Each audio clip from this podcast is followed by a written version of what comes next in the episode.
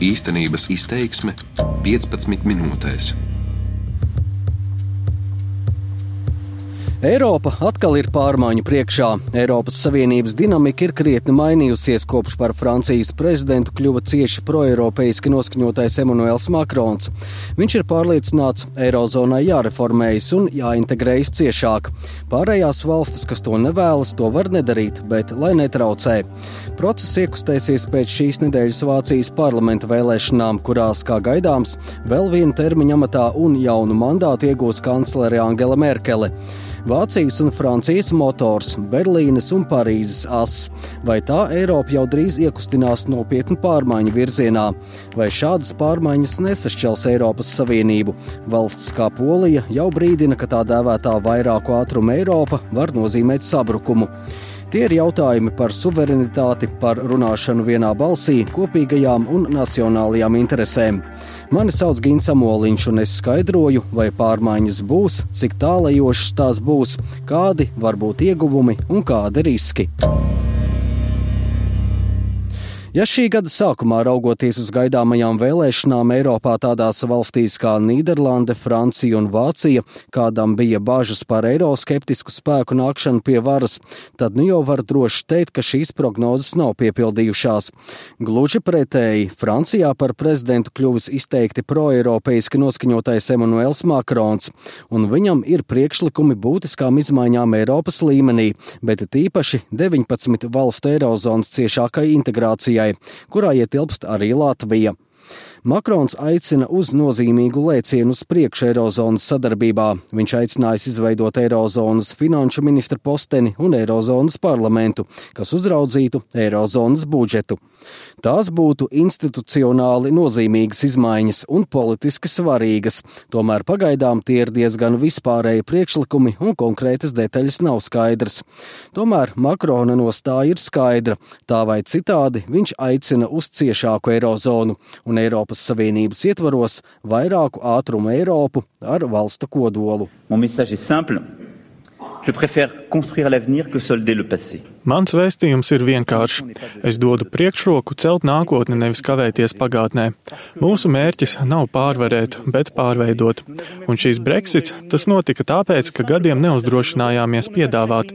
Mēs pat neuzdrošinājāmies sanākt kopā vienkāršā Eirozonas formātā, lai neaizkaitinātu Britus, lai neaizkaitinātu poļus. Mums ir jādomā par vairāku formātu Eiropu. Doties tālāk kopā ar tiem, kas vēlas virzīties uz priekšu, ka tos nekavē valstis un tās ir to tiesības, kas vēlas doties uz priekšu lēnāk vai netik tālu. Eiropai ir jāatsakās no loģikas, ka tā var virzīties uz priekšu visiem esot kopā vai arī nemaz, augusta nogalē teica Makrons. Šāds koncepts Eiropā gan tiek uztverts piesardzīgi. Eiropas komisijas prezidents Žans Klots Junkers pirms nedēļas uzrunā par situāciju Eiropas Savienībā centās mīkstināt Makrona priekšlikumus. Viņš paziņoja, jā, vajadzētu izveidot finanšu un ekonomikas ministra posteni, bet Eiropas Savienības līmenī, nevis tikai Eirozonā. Junkers arī iebilda idejām par atsevišķu Eirozonas budžetu un parlamentu. Tomēr galu galā lemšanas sviras ir dalību valstu rokās, un Makronam būs vajadzīgs Vācijas atbalsts. It īpaši kanclers Angels Merkels personā, kas, kā gaidāms, šo svētdienu Vācijas parlamenta jeb Bundestāga vēlēšanās nodrošinās ceturto termiņu amatā. Nevelti Makrons paziņojis, ka konkrētākus un detalizētākus Eirozonas reformu priekšlikumus publicēs pēc Vācijas vēlēšanām. Tas varētu notikt jau nākamnedēļ. Kanclere Merkele priekšvēlēšana laikā par Parīzes priekšlikumiem izteikusies atbalstoši, taču piesardzīgi. Viņa norādījusi, ka atbalsta ideju par nelielu eirozonas budžetu, lai no tā varētu piešķirt naudu vājākām eirozonas valstīm, kurām var būt vajadzīgs atbalsts grūtu ekonomikas reformu veikšanas gaitā. Merkele nenoraida arī kopīgu ekonomikas un finanšu ministra ideju. Tāpat viņa nesen atzinīgi izteicās par priekšlikumu Eirozonas glābšanas fondu Eiropas stabilitātes mehānismu pārveidot par Eiropas valūtas fondu. Der könnte dann auch dazu führen, dass wir Tas mūs darītu vēl stabilākus un ļautu parādīt pasaulē, ka mums Eirozonas portfelī ir visi nepieciešamie instrumenti, lai varētu sekmīgi reaģēt uz negaidītām situācijām. Arī es esmu to apliecinājusi skaidri, ka man nav nekas pret Eiropas finanšu ministra ideju kā tādu. Mums ir tikai jānosaka, ko šis finanšu ministrs darīs. Es arī varu iedomāties apvienoto ekonomikas un finanšu ministra posteni. Signāli no Parīzes un Berlīnes liecina, ka pēc Vācijas vēlēšanām sāksies diskusija un virzība uz eirozonas reformām. Atklāts ir jautājums, kur tieši tā novedīs, kāda būs kompromisi, un vai nebūs tā, ka galu galā aktīvāka reforma virzīšanā būs Merkeles Vācija, nevis Francija ar Makronu, kuram jau jāsaskaras ar nopietnām iekšpolitikas problēmām. Šādi jautājumi uzdod Vācu iknedēļas laikraksta Dīdzait, Eiropas lietu redaktors Matijas Skrupa. Ar viņu šomēnes tikos Polijā gadskārtējā Kriņķis ekonomikas formā, vienā no lielākajām šāda veida konferencēm reģionā. Krupa atgādina, ka vēsturiski tieši Francija bijusi tā, kurai bijuši stingrāki iebildumi pret soļiem, kas tiek tulkoti kā atteikšanās no suverenitātes. For Germany, there Vācijai jautājums par suverenitāti, kas ir saistīts ar tādām lietām kā Eirozonas finanšu ministrs un tā tālāk, Vācijai jautājums par suverenitāti nav izšķirošs, tas nav centrāls. Kad Vācija atteicās no markas un pārgāja uz eiro, no vācu skata tā bija lielākā atteikšanās no suverenitātes, kādu var iedomāties. Es vienmēr esmu izbrīnīts, kad dzirdu šādas lietas no Parīzes, un Makrons nav pirmais prezidents, kurš runā par dziļāku eirozonas integrāciju. Francija gadu desmitiem ir aicinājusi uz Eiropas ekonomisko pārvaldību, bet līdz šim viņi bijuši ļoti negribīgi mazināt savu suverenitāti. Un visi šie jautājumi ir saistīti tieši ar atteikšanos no suverenitātes. Atklāts ir jautājums ne tikai, cik daudz pati Francija galu galā būs gatava iet uz ciešāku integrāciju, un cik daudz un kādos jautājumos katra eirozonas valsts būtu gatava kompromisiem, piemēram, attiecībā uz fiskālo disciplīnu. Ir valstis, kas ir stingri pret šādu vairāk ātruma Eiropas ideju. Skaļāk iebildumi un bažas ir Polijai, Ungārijai un citām centrāla un austrum Eiropas valstīm, kas vēl nav pievienojušās Eirozonai. Tām ir bažas, ka izveidojoties ciešākam Eirozonas kodolam, pārējās riskē zaudēt ietekmi un palikt, tā teikt, ārpusē.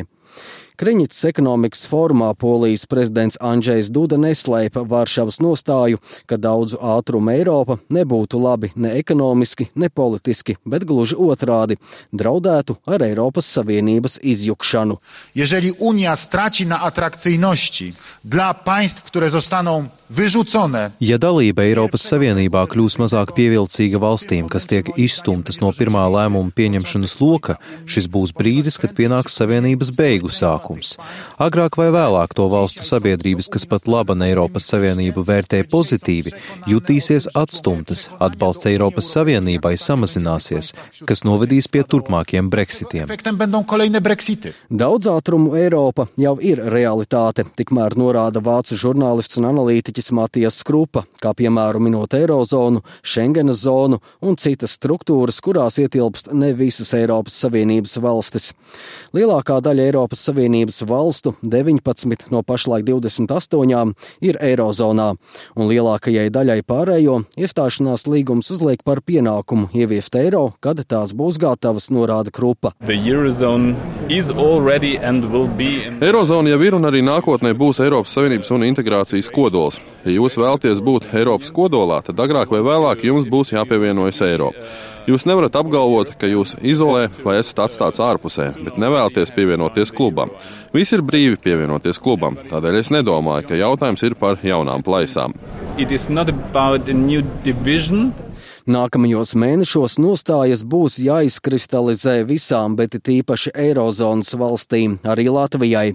Ārlietu ministrs Edgars Rinkēvičs atzīst, drīzumā sāksies konkrētas diskusijas, kas novedīs pie konkrētiem lēmumiem. Es domāju, ka jā, pēc Francijas vēlēšanām un arī tagad pēc Vācijas vēlēšanām šīs diskusijas no tādas teorētiskas sarunas par to, vai būs un kādā līmenī vairāk ātruma vai vairāk integrācija Eiropa, kāda būs Eirozonas nākotne, gan pārvaldības, gan, gan budžeta ziņā uzņems jaunas apgrieziens. Es pieļauju, ka nu, šī gada vēls rudens un ziema būs ļoti intensīva sarunu diskusiju laikmets, lai pēc tam agrā pavasarī jau vienotos par kaut kādu konkrētu lēmumu. Jūs teikt, ka Eirozonas ciešāka integrācija neizbēgama un kāda ir Latvijas nostāja? Es gribētu teikt tā, ka mums ir jābūt daļai no diskusijas. Mēs nevaram vienkārši pateikt nē un tad brīnīties, ka kaut kas tiek izlemts bez mums, bet tas tomēr mūs ietekmē. Objektīvi ir grūti iedomāties, kā Latvija būdama Eirozonā pateiks, nē, mēs negribam būt daļa no lēmumu pieņemšanas mehānismu. Šeit vēl ir ļoti daudz dažādas diskusijas, un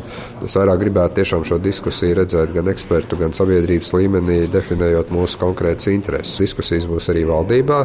Es personīgi uzskatu, ka mums ir jādara viss, lai mēs būtu šo diskusiju epicentrā, jeb tā saucamajā kodola diskusijā. Arī citur Eiropas Savienībā nostājas ir piesardzīgas. Ārpus Eirozonas esošās Dānijas ārlietu ministrs Anders Samuelsens pirms dažām dienām vizītē Rīgā atzina, ar ko tas viss beigsies pēc Vācijas vēlēšanām, ir ļoti grūti pateikt. Mums Eiropā vajadzētu koncentrēties uz Savienības pamatvērtībām. No Dāņu skatu punkta tas ir brīvais un vienotais tirgus, cilvēku brīvu pārvietošanās un miera projekts. Kamēr mēs to ievērosim un vienlaikus cienīsim dalību valstu dažādās vēstures un veidus, kādās tās risina problēmas, mums nākotnē būs spēcīga savienība. Bet, ja nonāksim situācijā, kad Briselē tiek risināts pārāk daudz tādu jautājumu, ko vajadzētu risināt mājās pašās dalību valstīs, tad mēs grausim uzticēšanos savienībai. Polijā Kriņķis fóruma šī gada galvenā tēma bija Eiropas nākotne, un īrijas mūsdienu Eiropas pētījuma asociācijas priekšsēdētāja Mērija Mērfija ir pārliecināta, ka izmaiņas jebkurā gadījumā būs. Par tām un Eiropas nākotnes scenārijiem būs jāsāk domāt arī Dublinai, kas pēdējos mēnešos bijusi spiesta vairāk pievērsties notiekošajām ap kaimiņu valsts apvienotās karalistes izstāšanās peripetijām. Turpina Mērfija. Īrijas valdība ļoti atbalsta integrāciju, tomēr nav bijis īstu diskusiju par to, kādi ir varianti un alternatīvas un kādu pozīciju varētu ieņemt īrija. Es pieņemu, ka īrija gribētu būt kodolā, lai arī kāds šis kodols būtu, bet domāju, ka nākamais Eiropas Savienības līgums, tāds droši vien varētu tikt noslēgts nākamajos gados, būs svarīgs brīdis jo Eiropas Savienības lielie izaicinājumi būs nodrošināt, ka tas ir leģitīms līgums un bauda tādu atbalstu, kāds ir nepieciešams. Pagātnē Eiropas Savienība šajā ziņā nav bijusi īpaši sekmīga, tādēļ ārkārtīgi svarīgs būs jautājums par komunikāciju un vēstījumu nodošanu. Iedzīvotāju iesaistīšana būs ļoti svarīga, atzīst arī sabiedriskās domas izpētes centra Pew Research Center vadošais pētnieks Brūss Stokes. Survey, uh... Mūsu aptaujās Eiropā šogad interesanti bija, ka pēc Brexita cilvēki kontinentā teica, mēs negribam sekot Britiem un izstāties. Tajā pašā laikā septiņās no astoņām Eiropas Savienības valstīm, kur veicām aptauju, cilvēki teica, ka tomēr gribētu iespēju balsot par šo jautājumu. Tā sākotnēji liekas pretruna. Ja negribi izstāties, tad kāpēc gribi balsot? Bet domāju, ka tā ir izpausme sabiedrības plašākai vēlmei, ka tā ir vairāk teikšanas nozīmīgos politiskos lēmumos. Tas ir viens no iemesliem, kādēļ populisms šķiet tik populārs. Cilvēki saka, kaut negribam izstāties, mēs gribam, lai mums jautā, lai mūsu balss ir dzirdama, un mēs neticam, ka politiķi Brisele mūsos ieklausās. Itāļu analītiķis profesors Luigi Trojāni vērtējumā par to, cik tālu un cik cieši integrēsies Eirozona, ir piesardzīgs. Katrā ziņā viņa ieskatā tas vairāk būs atkarīgs nevis no Parīzes, bet Berlīnes, kā arī gatavības riskēt. On, on Merkel, uh, tas ir atkarīgs no tā, cik daudz Angela Merkele vēlas riskēt, jo ar Eiropas virzīšanu uz priekšu ir saistīti riski. Tie ir riski politiskiem līderiem. Bet domāju, domāju, ka viņa jau pietiekami ir sasniegusi savā karjerā, un viņa varētu būt drošsirdīgāka nekā iepriekš. Bet Eiropas motors var salūst, ja uzspiež pārāk daudz gāzes. Tas ir ļoti delikāts un jūtīgs motors. Tomēr mēs, Eiropas Savienība, mēs nevaram turpināt, kā ir pašlaik. Vai Berlīnas un Parīzes as atkal sāks griezties vienā ritmā, līdz pavelkot arī citas savienības dalību valstis? Cik daudz gāzes tiks uzspiefts, tomēr vienlaikus nesalaužot Eiropas motoru? Eiropas Savienība un it īpaši Eirozona atkal ir jaunu pārmaiņu priekšā. Lielbritānija drīz izstāsies no Eiropas Savienības, kur tā allaž bijusi skeptiski noskaņota pret ciešākiem integrācijas procesiem un tiem darbojusies kā pretsvars. Tas pārējās var mudināt spērt konkrētākus soļus ciešākā integrācijā. Tomēr šis pats process dalību valstis var arī šķelt. Uz skaļu paziņojumu fona tām tomēr būs uzmanīgi jāturpina lavierēt starp dažādām interesēm un vīzijām. Kuras no tām piepildīsies, to varbūt redzēsim jau pavisam drīz. Mani sauc Gins Amoliņš, un es pētīju, kur pūtīs vēja pēc Francijas un tagad Vācijas vēlēšanām. Par skaņu rūpējās Renārs Šteimanis. Darbības vārds īstenības izteiksmē izsaka darbību kā realitāti. Tagatnē, pagātnē vai nākotnē, vai arī to noliedz.